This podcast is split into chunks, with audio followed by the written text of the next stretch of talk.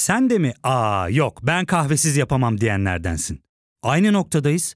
İlk ve tek kahve üyelik uygulaması Frink'le tanış. Hem bütçeni koru hem de hiç bitmeyen kahvenin tadını çıkar. Yakınlarından terapinin onlara ne kadar iyi geldiğini dinlesen de kendin için bir şeylere başlamak zor geliyor olabilir. Ya da sevdiklerine yardım etmeye istekliyken kendi ihtiyaçlarını görebilmek. Hayvel, uzman psikologlarıyla kendi ihtiyaçlarını bulmanda sana destek olacak. Terapi yolculuğuna başlamak için detaylı bilgi bölümün açıklamalarında. Herkese merhaba, umarım iyisinizdir. Ben umarım diyorum ama ne durumda olduğunuza ilişkin bir fikrim var. Mutsuz, öfkeli ve endişeli bir toplumda yaşadığımızı gözlüyorum. Sizin hayatınız harika gitse bile toplumsal durumumuz nedeniyle siz de etkileniyorsunuz. Bu bölümde toplumsal mutsuzluğumuz ile iktidar arasındaki ilişkiyi iki örnek üzerinden anlatacağız size. Bu hafta gündem olan iki konu. İktidar derken illa politik olmak zorunda değil. Yetki sahipliğinden bahsediyorum. Yani koltuk sahibi olan her şeye iktidar atfediyorum. Birinci örnek İstanbul'daki taksi sorunu olacak. Biliyorsunuz durmuyor taksiler. Taksi bulmak neden bu kadar zor? Taksi şoförlüğü nasıl oldu da bu denli sevilmeyen bir meslek grubu haline geldi? İkinci örnek ise zincir marketler olacak. Enflasyonun sorumluluğunu omuzlasınlar isteniyor. Tartışma son derece sert ilerliyor. Bu iki örnekten hareketle toplumumuzun nasıl bir depresyondan geçtiğini resmetmeye çalışacağız. Ben Ozan Gündoğdu, hazırsanız başlayalım.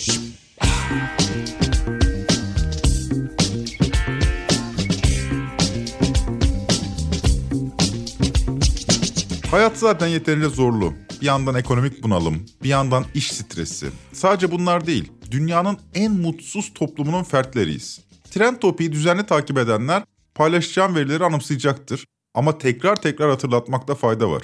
Uluslararası kamuoyu araştırma şirketi Gallup'un Dünya Duygu Haritası adlı çalışmasına göre dünyanın en az gülen ülkesi Türkiye. En stresli dördüncü ülkeyiz, en öfkeli ülkeler arasında da ilk beşteyiz. Gallup sormuş, son bir gün içinde öfke duygusunu hissettiniz mi? Bizdeki katılımcıların %44'ü evet dün öfkelendim demiş. Bizim coğrafyamız için öfke son derece sıradan bir duygu. Ama bu ezelden beri böyle değildi. Yani konjonktürel sebepleri var bu kadar öfkeli olmamızın. ABD merkezli Sağlık Enstitüsü IMS'in verilerine göre Türkiye'de 2021 yılında ilk kez antidepresan tüketimi 50 milyon kutuyu aşıyor. Son 4 yılda antidepresan kullanımında 10 milyon kutuluk bir artış var. Sağlık örgütlerinin verilerine göre en hızlı artan psikolojik hastalığımız ne biliyor musunuz? Kaygı bozukluğu. Şimdi bu kadar veriyi sizinle neden paylaştım? Sorun sizde değil, hepimiz mutsuzuz, hepimiz öfkeliyiz diyebilmek için. Hele ki İstanbul'da yaşıyorsanız. Öfkeli olmamak mümkün mü? Son derece mutlu başladığınız günün gergin devam etmesi için dışarı çıkmanız yeterli. Ben zorunda değilsem dışarı çıkmamayı tercih eden biriyim. İstanbul'u bilenler için söyleyeyim Fulya'da oturuyorum. Bilmeyenler için bilgi vereyim. Taksim'e 3-4 kilometre mesafedeyim yani çok yakın sayılır. Önceki gün bir iş için Taksim'e gitmem gerekti. İşim öğlen 2'de. Başıma geleceği tahmin ettiğim için 12.30'da evden çıktım ve randevuma geç kaldım. Bir buçuk saat önce çıkmama rağmen yetişemedim. Şöyle oldu, önce taksi beklemeye başladım. 20-30 dakika kadar bekledim fakat her İstanbullu beni anlayacaktır taksi bulamadım. Baktım saat 1 oldu. İyisin Beşiktaş'a yürüyeyim, oradan Taksim dolmuşlarına binerim dedim. Beşiktaş bir buçuk kilometre. Bu esnada taksi çevirme mesain devam etti. Derken yağmur falan da yağmaya başladı. Yani tam bir kepazelik. Durmuyor taksiler. Boş geçiyor ama durmuyorlar. Tabii öfkelenmemek elde değil. Hastaları, yaşlıları hiç düşünemiyorum bile. Boş geçen durmuyor, şoförlerin bahaneleri bitmiyor. Taksiciler hastane kapısında bekleyenleri bile umursamıyor. Üstelik hastaların ayakta duracak hali olmasa dahi. Dediğim gibi tam bir kepazelik. Bindikten sonra yediğiniz afra tafra da cabası. Bulunmaz Hint kumaşı gibiler. Taksicilere göre yolcular bir mahcupluk içinde olmalı. Sonuçta sizi taksisine aldığı için büyük bir yüce gönüllülük içinde taksici. Sizin yerinize bir Arap turisti alabilirdi mesela. Hatta bir İstanbullu bir taksi uygulamasına adına Arapça yazarak çözüm aramaya kalkmış. Türk'üm, Türk vatandaşıyım. Ama İstanbul'da taksiye binebilmek için adını Arapçaya çevirdi. Tesadüf mü bilinmez ama saatlerce beklediği taksi hemen geldi. Maalesef acı ama komik de bir taraftan bir tablo oluştu böyle. Arap turistler. Orta Doğululaşan Türkiye'de yeni bir fenomen. Taksi meselesine geri döneyim. Gerçekten çok kötü taksi deneyimlerim oldu bu zamana kadar. Sizin de olmuştur. Acaba sadece bana mı denk geliyor diye düşünmeyin ama. Veriler korkunç çünkü. İstanbul'da 32 yıldır 18.379 taksi plakası var. 1990'dan bu yana sayı değişmiyor. 32 yıl önce İstanbul'un nüfusu 7,5 milyonmuş. Bugün sayı 15,5 milyon. Ancak İSKİ verilerinden değerlenen sayıya göre hafta içi kentin nüfusu 20 milyonu aşıyor. İstanbul Büyükşehir Belediyesi Genel Sekreter Yardımcısı Buğra Gökçe 25 Kasım'da Fox TV'de yayınlanan Çalar Saat'te Ezgi Gözeger'in konu olmuş. Paylaştığı veriler ilgi çekici. 1965 yılında İstanbul'da taksi sayısı ve nüfusun birbiriyle kıyaslaması şu. Yani taksi sayısı 15.514, 2 milyon 200 binlik bir kentten bahsediyoruz. Nüfusa oranla Bu nüfusa oranla İstanbul'da 1000 kişi başına düşen taksi 7.05. Geldiğimiz noktada 1000 kişi başına düşen taksi 1.16. Yani 1900 1965'te 1000 kişiye 7 taksi düşüyormuş. Şimdi bir taksi düşüyor. 2022'de 1000 kişiye 1 taksi düşüyor. Tabii E, böyle olunca tabii ha, ki mucize. böyle olunca arzın talebi karşılayamaması gibi bir durumla karşı karşıya kalıyorsunuz ve esasında siz taksi seçmiyorsunuz, taksi aramıyorsunuz, taksi yolcu seçiyor. Siz taksi seçmiyorsunuz, taksi yolcu seçiyor. Öyle gerçekten. Bu arada bin kişi başına düşen taksi verisinde de bence bir düzeltme yapmak gerekiyor. Hesap İstanbul nüfusunun 15,5 milyon olduğu varsayımına dayanıyor. Gerçek sayıyı baz alsak yani 20 milyonu baz alsak bin kişiye bir taksi bile düşmüyor. 1965'te kentin nüfusu 2 milyonken 15 bin taksi, 2022'de kentin nüfusu 20 milyonken 18 bin taksi. Yorum sizin. Peki bu 18.395 taksinin hizmet kalitesi ne alemde? İlk duyduğumda çok çarpıcı gelen bir veriyi sizle paylaşayım. Sadece bu yılın ilk 10 ayında, yani yıl boyu değil sadece 10 ayda bu 18.395 taksinin kaçına yaptırım uygulanmıştır? Yani kaçı hizmet kalitesindeki bozukluk nedeniyle cezalandırılmıştır? Söyleyeyim 11.757. Yani her 100 taksiden 64'ü hizmetindeki kusur nedeniyle cezalandırılmış. 64'ü %64. Bazıları birkaç kez cezalandırılmış.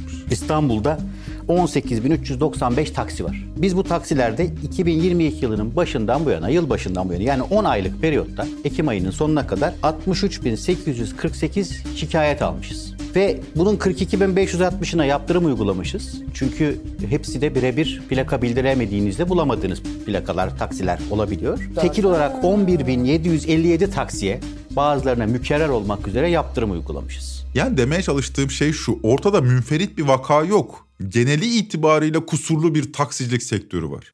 Neredeyse tüm taksiler sorunlu. Şimdi bu hizmet kusurları nedeniyle cezalandırılma muğlak bir ifade. Farkındayım. Nedir yani hizmet kusuru?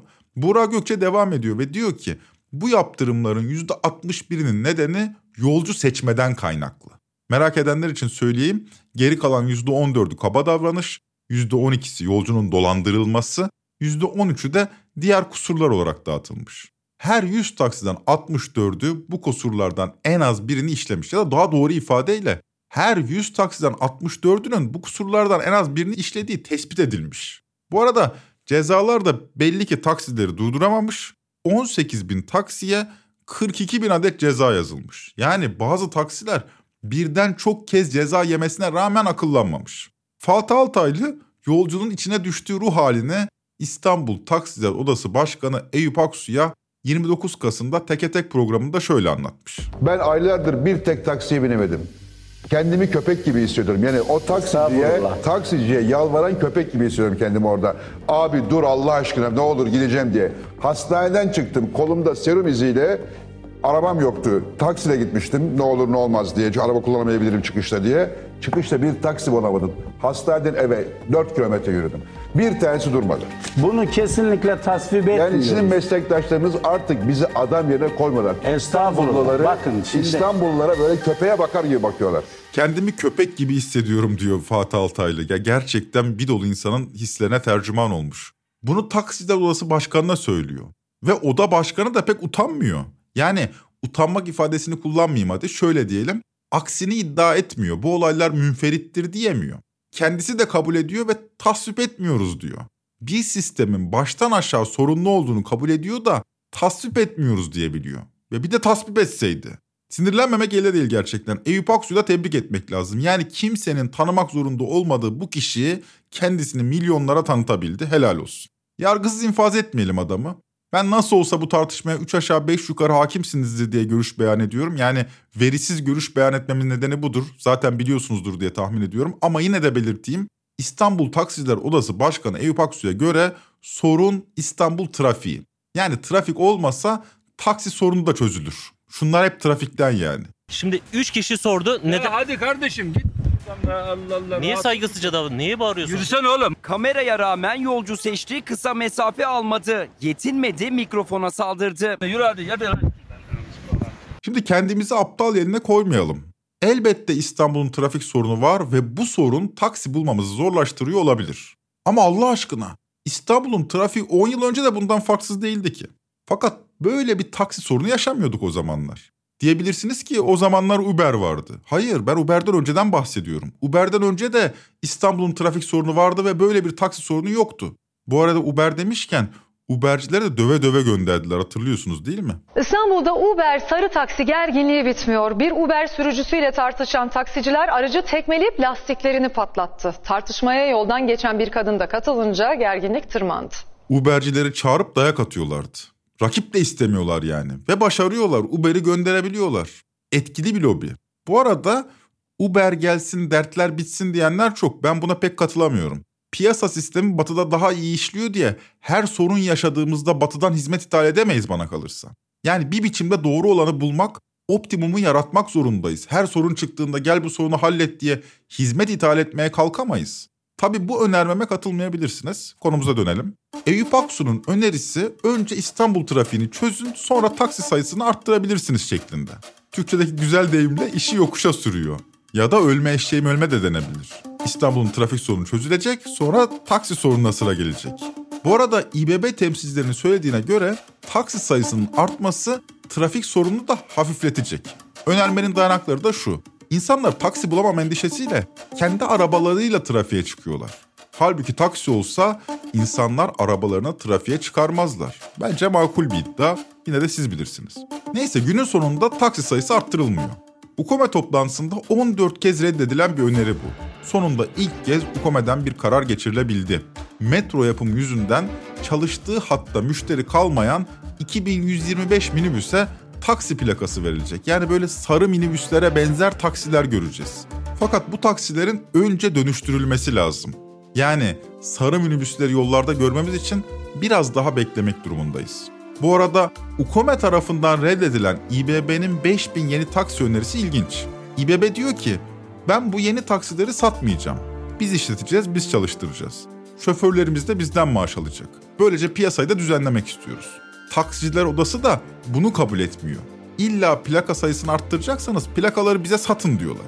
Yani tekeli kırmak istemiyorlar. Tam bir monopol piyasa ve bu monopolün harcalıklarını kaybetmek istemiyorlar. İki yıl önceki UKOME toplantısında Ekrem İmamoğlu Eyüp Aksu'yla tartışırken bu teklifi de ifşa ediyor. Dinleyelim. Ben katılımcılıkta vatandaşın önünde her şeyi konuşuyorum. Ama davet isteyip davet ettiğimde yine bir heyet geldi. Muhtemelen sizin de bilginizde. Çünkü içinde başkan vekiliniz de vardı. Siz gelmediniz, gelseydiniz hayır mı diyecektim. Gelmediniz. Benden randevu istendi, buyursun gelsinler dedim. Kiralamayın, satın teklifi yapıldı bana o masada. Madem böyle bir niyetiniz var, kiralamayın, satın teklifi yapıldı. O masada da kimse bu işe karşı çıkmadı. Ben karşı çıktım. Yani İBB yeni plakaları kendi işletmese, satışa çıkarsa sorun yok. Zaten arz eksik, talep fazla, 5000 taksi plakası bir anda kapışılıverir. Sonra eski tas eski hamam. Bu taksi meselesi bitmiyor gördüğünüz gibi. Taksilerin dört paydaşı var. Yolcular, şoförler, plaka sahipleri ve bu plakaları işleten galericiler. Şimdi burada sermaye sahipleri plaka sahipleriyle galericiler. Taksiciler odasında oy kullanıp Eyüp Aksu'yu seçenler de plaka sahipleri. Dolayısıyla şoförle plaka sahibi arasında bir çıkar çatışması var. Bu nedenle Eyüp Aksu için şoför esnafının temsilcisi demek o kadar doğru değil. Daha çok plaka sahiplerinin temsilcisi. Plaka sahibi olmayan şoförler çünkü oy kullanmıyor. Dolayısıyla Eyüp Aksu'ya oy vermiş değiller. Plaka sahiplerinin de çoğu çalışmıyor. Plakayı kiralayıp parasına bakıyor. Yani bir esnaf birliği var ortada ama esnafların hepsi mal sahibi. Dükkan sahibi gibi düşünebilirsiniz yani. Dükkanı işleten şoför, dükkan sahibi burada plaka sahibi. Dükkan sayısının artması da dükkan sahiplerinin işine gelmiyor dolayısıyla. Tablo bu yani. Burada bölüme kısa bir ara verelim. Döndüğümüzde kaldığımız yerden devam edeceğiz. Ya fark ettin mi? Biz en çok kahveye para harcıyoruz. Yok abi, bundan sonra günde bir. Aa, sen Frink kullanmıyor musun? Nasıl yani? Yani kahvenden kısmına gerek yok. Frink'e üye olursan aylık sadece 1200 TL'ye istediğin çeşit kahveyi istediğin kadar içebilirsin. Günlük 40 TL'ye sınırsız kahve mi yani? Çok iyiymiş. Aynen. Hatta şu anda 200 TL'lik bir indirim kodu da var. E hadi hemen indirip üye ol da bu fırsatı kaçırma. Terapiye başlamak, içinden çıkamadığın döngüleri kırmak, bazı yanlış bulduğun kararlarını değiştirmek ve kendinle beraber daha huzurlu bir yaşam inşa etmek için atabileceğin en değerli adımlardan biri. Hayvel ile yoğun yaşam tempona uyum sağlayarak online terapi seanslarını takvimine göre ayarlayabilirsin. Bini aşkın uzmandan sana en uygun terapisti seçebilir, podb10 koduyla indirimden yararlanabilirsin. Detaylı bilgi açıklamalardaki bağlantıda. Bölümün başında öfkeliyiz diye lafa girdik. Öfkeliyiz çünkü halk kesimlerinin derdini öne koyan bir yaklaşım yok. Olsa bile yerel ya da merkezi fark etmez iktidar sahiplerinin koltuk dertleri halkın endişelerinden çok daha önemli. Tam olarak filler tepişiyor, çimenler eziliyor. Ama gözleyebildiğim kadarıyla bu taksi İBB çatışmasında kazanan taraf İBB. Yani kabul. İBB kendi önerisini UKOME'de oy çoğunluğu hükümette olduğu için kabul ettiremiyor ama kamuoyu taksi sisteminin sorunlu olduğunu bu süreçte kabul etmiş durumda. Konda'nın araştırmasına göre İstanbul'da halkın %70'i taksilerden rahatsız. %95'i de yeni bir düzenleme yapılmasını istiyor. Şimdi halkın derdi bu. Yani halkın derdinin bu olduğunu tespit etmek de zor değil. Sokağa çıkıp taksi çevirmeye kalktığınız zaman başınıza neler geldiğini görüyorsunuz zaten. Tabi Eyüp Aksu'nun da plaka sahiplerinin haklarını savunması bana kalırsa olağan. Sonuçta bu insanların temsilcisi. Ama bence Eyüp Aksu kendi çıkar grubu adına da yanlış yolda. Şöyle açıklayayım. Eyüp Aksu da plaka sahiplerinin endişelerini dile getiriyor ama bana göre bu çatışmanın astarı yüzünden pahalı hale geliyor taksiciler için. Çünkü meseleye sadece para olarak bakıyorlar. Çok sığ yaklaşıyorlar. Paralarını korumak için itibarlarını harcıyorlar. İstanbul'da taksicilere dönük öfkeyi küçümsüyorlar. Kimsenin sevmediği bir meslek grubu oldular. Bu az şey değil. Hatırlar mısınız? Bizim televizyonlarda taksici dizilerimiz vardı. Taksi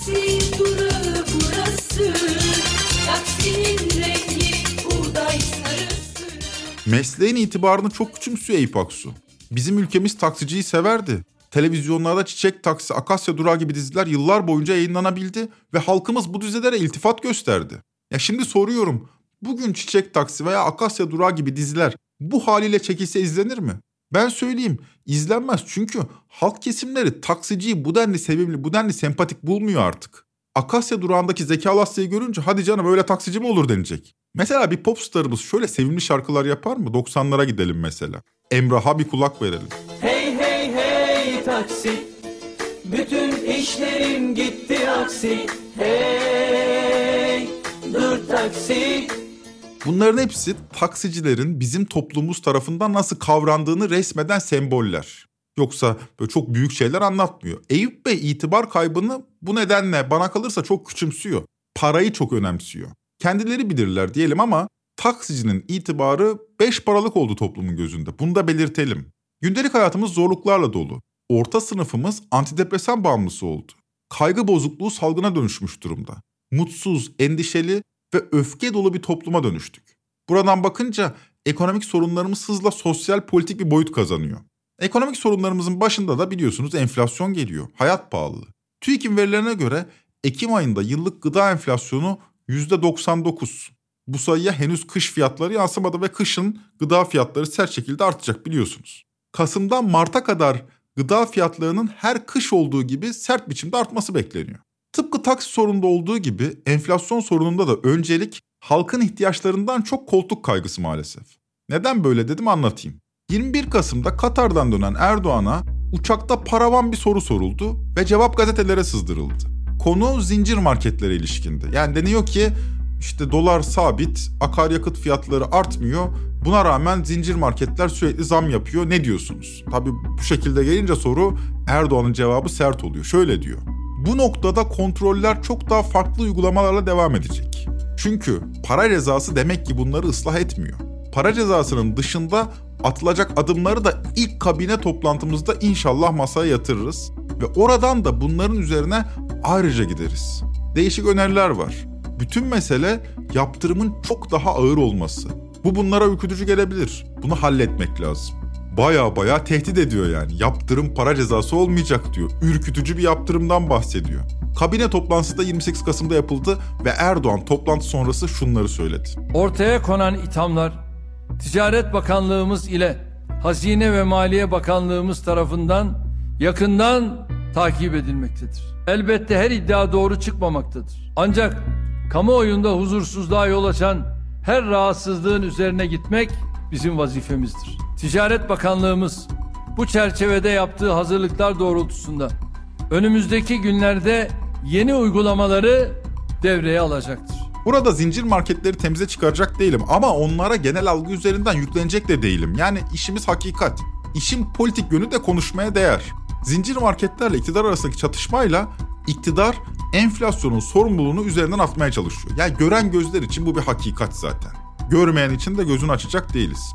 Ya da hadi niyet okumadan gidelim. Bu çatışma sayesinde insanlar enflasyonun sorumluluğunu zincir marketlere yüklüyor ve bu da iktidarın işine geliyor. Bu nedenle iktidar böyle bir kavgayı başlatmakta çok hevesli.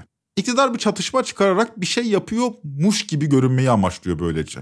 Bakın enflasyonla mücadele ediyoruz. Ne yapıyorsunuz? Zabıta dikiyoruz. Sonuçta halk kesimleri enflasyonu düşürme programının teknik ayrıntılarını bilmez. Üretimi bilmez, lojistiği bilmez, operasyonel giderleri, toptancıyı görmeyen halk gündelik hayatında her gün perakende marketleri görüyor. İktidar da hedefine perakende sektörünü alıyor. Yani zincirin son halkasını alıyor. Biz enflasyonu düşürürüz de bu marketler yok mu bunlar düşürmüyor işte deniyor. Tabii seçimlere yaklaşmamız bu çatışmanın temel nedeni. Yani mesele politik. Nereden biliyorum? Çünkü aynı çatışma 2019'daki yerel seçimlerden önce de yaşanmıştı. Hatırlayın zincir marketleri tırnak içinde söylüyorum adam etmek için tanzim satış çadırları kurulmuştu. Herkese de dedirtilmişti ki madem bu fiyata satılabiliyor neden markette pahalı? Halbuki devlet bu çadırlarda zararına satış yapıyordu. Fakat bu sefer tablo ilginç bir boyut kazandı. Topa Devlet Bahçeli ve Gıda Perakendecileri Birliği de girdi. Hem de ne giriş.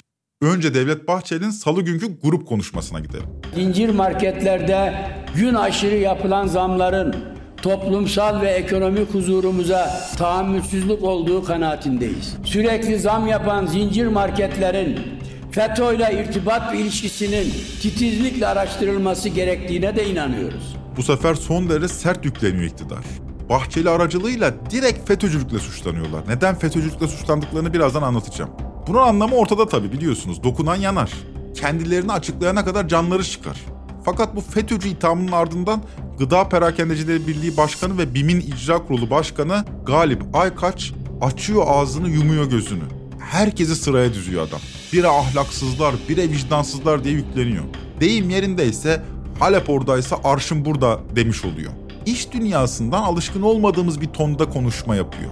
BİM'in CEO'su şunları söylüyor. Biraz uzun, hızlandırılmış biçimde dinleyeceksiniz haberiniz olsun. Perakende işletmelerinin enflasyondan arındırılmış ve sadece nominal kar rakamlarına bakarak olumsuz yorum yapan tirollere, maaşlı televizyon yorumcularına, bizleri terörist ilan edenlere, bizlere vicdansız hatta kansız diyenlere ve bunları gazetede yayınlayarak ahlaksızca bizi çete ilan edenlere ve tabirimi maruz görün çok daha kötüsünü söylemek istiyorum ama müsaadenizle gazeteci müsvedderilerine söyleyeceklerimiz var. Eğer doğruysa diyerek ülkenin değerlerine saldıranlara, ilan vermiyoruz diye gazete sayfasını boş bırakanlara, televizyonda ağızlarından salyalarını akıtarak küfredenlere, bilmedikleri konularda biliyormuş gibi yorum yapanlara, peyniri yumurtayı sadece sofrasında görüp peynirle yumurtayla ilgili yorum yapanlara, bu dünyayı size yaşanmaz kılarım diyecek kadar meselelerden bir haber olan, depoyu basıp günlük tüketim kadar olan bile olmayan yağları halka dağıtırım diyecek kadar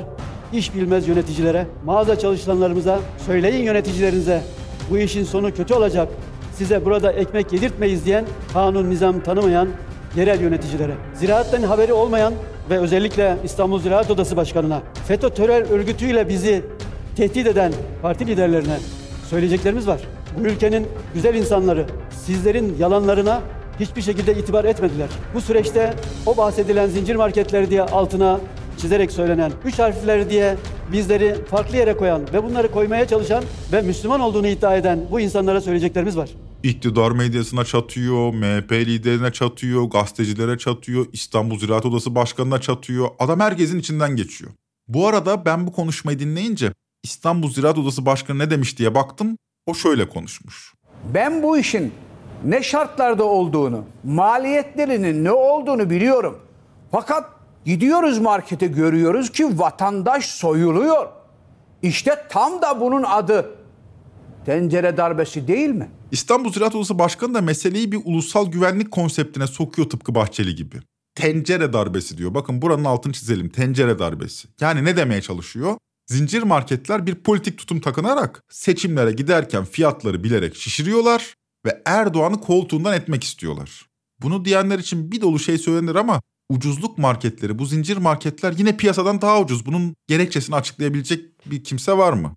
Bu arada Erdoğan'ı koltuğundan etmek isteyen BİM'in sahibi de Nakşibendi tarikatına bağlı Erenköy dergahı. Yani daha doğrusu %29'u onların, %71'i halka açıkmış. İslami camia içinde çok kitlesel olmamakla birlikte para pul konusunda en varlıklı ekol bu Erenköy dergahı. Turgut Özal'dan bu yana hızla büyüyen bir aile olan top başlar cemaatin lideri pozisyonunda. Bu da meseleye ilginç bir boyut kazandırıyor. Yani çok önceden beri Erdoğan'ı destekleyen, bu siyasete finanse eden bir yapı Erenköy cemaati. Bu bağlamda Erenköy cemaati ile iktidarın arasındaki ipler kopuyor mu sorusu da akıllara gelebilir. Çünkü bir Aralık akşamı MHP Genel Başkan Yardımcısı Semih Yalçın BİM'in CEO'su hakkında hakarete varan ifadeler kullanıyor. Semih Yalçın Twitter adresinden şunları söylüyor. BİM İcra Kurulu üyesi sıfatını taşıyan Galip Aykaç nam, ahlaksız ve edepsiz hortumcu, piyasa spekülasyonuyla ceplerini dolduran bazı süpermarketlerin kirli oyunlarının Genel Başkanımız Devlet Bahçeli tarafından ifşa edilmesinden ötürü salyalarını akıtmış. Şimdi üslubu görüyorsunuz değil mi? Yani çatışmanın şiddeti bu üslupta gizli. Bunları dedikten sonra enflasyonun sorumluluğunu bu marketlere yıkan aynı üsluplu bir dizi tweet atıyor Semih Yalçın. Ben sadece üsluptan haberiniz olsun diye paylaşıyorum bunları.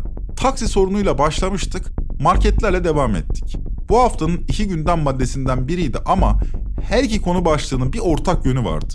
İktidar sahiplerinin amacı halkın konforunu, refahını arttırmak değil artık. Yani bu şekilde oy almak gibi bir imkan kalmadı. Yöntem şu, yöntem artık suçu başkasına atmak. Bu da gerginliğimizi arttırıyor. Taksi plakası sahiplerinin amacı monopol piyasanın ayrıcalıklarının keyfini sürmek. İktidarın amacı kötü giden ekonominin sorumluluğunu marketlere yıkmak. Her ikisinde de en iyi savunma saldırıdır mottosu benimseniyor. Biri diyor ki sen trafik sorununu çöz önce. Diğeri diyor ki ekonomi çok iyi sen fiyatları indir. Arada kalan halk kesimde de ne yapsın? Antidepresan bağımlısı oluyor. Halk düşmanlığı yani bu. Endişeli, korkak bir öfkeli bir topluma dönüştük. Bir köpek sorununu çözmekten bile aciz toplumsal bir politik yapımız var. Yanmaz, yapışmaz, teflon gibi bir siyaset anlayışımız var. Sorunların hiçbiri üzerlerine yapışmıyor. Taksi bulamıyorsunuz, trafiği çöz önce diyorlar. Fiyatlar pahalı diyorsunuz, marketler suçlu diyorlar. Ya şu köpek sorununu çözün diyorsunuz, hayvanseverler dokundurtmuyor deniyor. Ya yanmaz, yapışmaz, teflon gibi siyaset diyorum ya. Bir anda da kimin suçlu olduğunu tespit etme yeteneği elinden alınmış halk kesimleri var. Yani öfkeli olmamak elde değil. Bu öfkemizi bir nebze hafifletecek tek şey biraz olsun umut. Onun sorumluluğu da muhalefette. Fakat orada da işler pek parlak görünmüyor. Kaldık yani buralarda. Tarkan'ın şarkısıyla kendimizi avutarak bitirelim. Geçecek geçecek elbet bu da geçecek Gör bak umudun gününü güneşecek Oh oh Geçecek inşallah. Trend Topi'yi Podbi Medya ile beraber hazırlıyoruz. Bir sonraki bölüme kadar çevirdiğiniz her taksinin sizi almasını dilerim. Ne güzel hayal değil mi? Hoşçakalın.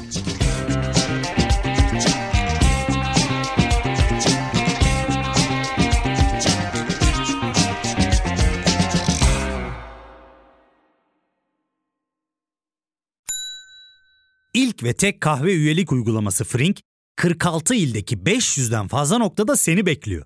Açıklamadaki kodu girerek sana özel 200 TL'lik indirimden faydalanmayı unutma. Hadi sen de Frink üyeliğini başlat, kahven hiç bitmesin.